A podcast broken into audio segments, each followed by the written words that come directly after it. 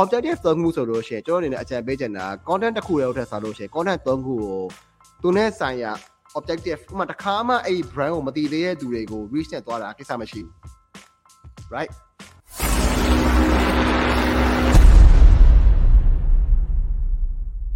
ကိုကျော်နိုင်ကမေးထားတာ content content တစ်ခုတည်းကို same target audience ကိုပဲ reach engagement message တစ်ခုလုံးနဲ့တပြိုင်နက်တည်း run နေဆိုလို့ရှိရင် result ပိုကောင်းနိုင်လားတဲ့ဒါမှမဟုတ်တစ်ခုပြီးမှတစ်ခု run တက်လားဆိုတာသိချင်ပါတယ် okay reach က awareness မှာကျွန်တော်သွားတာလူများများမြင်ရင်ကျွန်တော်ကများများသိမယ် awareness ပဲ engagement က interest stage မှာကျွန်တော် customer journey မှာဆိုလို့ရှိရင် engagement interest stage မှာသွားတာလူများများ engage လုပ်တယ်ဆိုလို့ရှိရင်ပိုပြီးစိတ်ဝင်စားနိုင်တဲ့သူတွေများတယ် message ကကြတော့အာ trust level မှာလောက်တာဒီလူတွေကိုစိတ်ဝင်စားတယ်ငါဝယ်ကြည့်ဖို့မေးလိုက်အောင်မယ်ဆိုတဲ့ဘက်ကိုသွားတာအဲ့တော့ကျွန်တော် objective သုံးခုဆိုလို့ရှိရင်ကျွန်တော်အနေနဲ့အကြံပေးချင်တာ content တစ်ခုတည်းဟုတ်တဲ့ဆိုလို့ရှိရင် content သုံးခုကိုသူနဲ့ဆိုင်ရာ objective ဥပမာတစ်ခါမှအဲ့ဒီ brand ကိုမတည်သေးတဲ့သူတွေကို reach နဲ့သွားတာကိစ္စမရှိဘူး right အဲ့မဲ့အာ reach and engagement တွေကိုတစ်ခါမှမမြင်ဘူးတဲ့သူတွေကိုကျွန်တော်တွားလို့ရတယ်အဲ့မှာ video ပဲဖြစ်ဖြစ်ပေါ့နော်ကျွန်တော်တွားလိုက်တယ်ဒါပေမဲ့ message ကိုကြတော့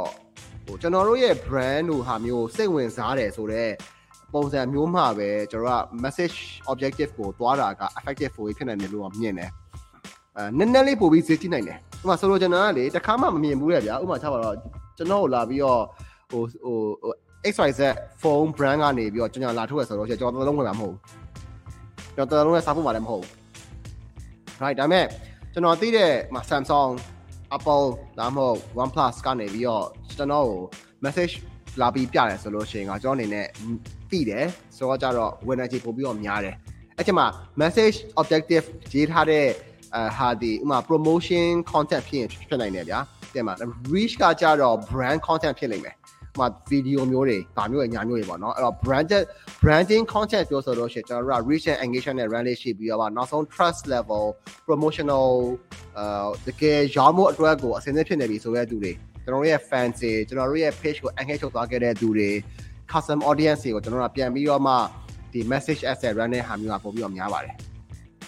အဲ့ဒါတော့ကျွန်တော်တို့ result ပိုကောင်းနိုင်တာပေါ့နော်